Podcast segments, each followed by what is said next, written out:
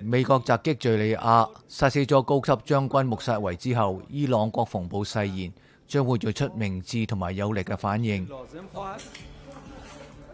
巴基斯坦红新月会成员赶赴南部城市汉尤尼斯，救援当地建筑废墟中嘅难民。以色列军方话喺图勒埃尔萨姆镇郊区发现并摧毁咗一个爆炸物嘅实验室。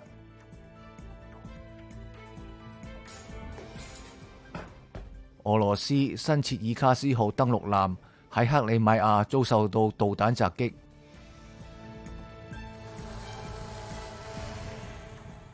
大雨洪水导致水位上升，德国部分地区居民疏散。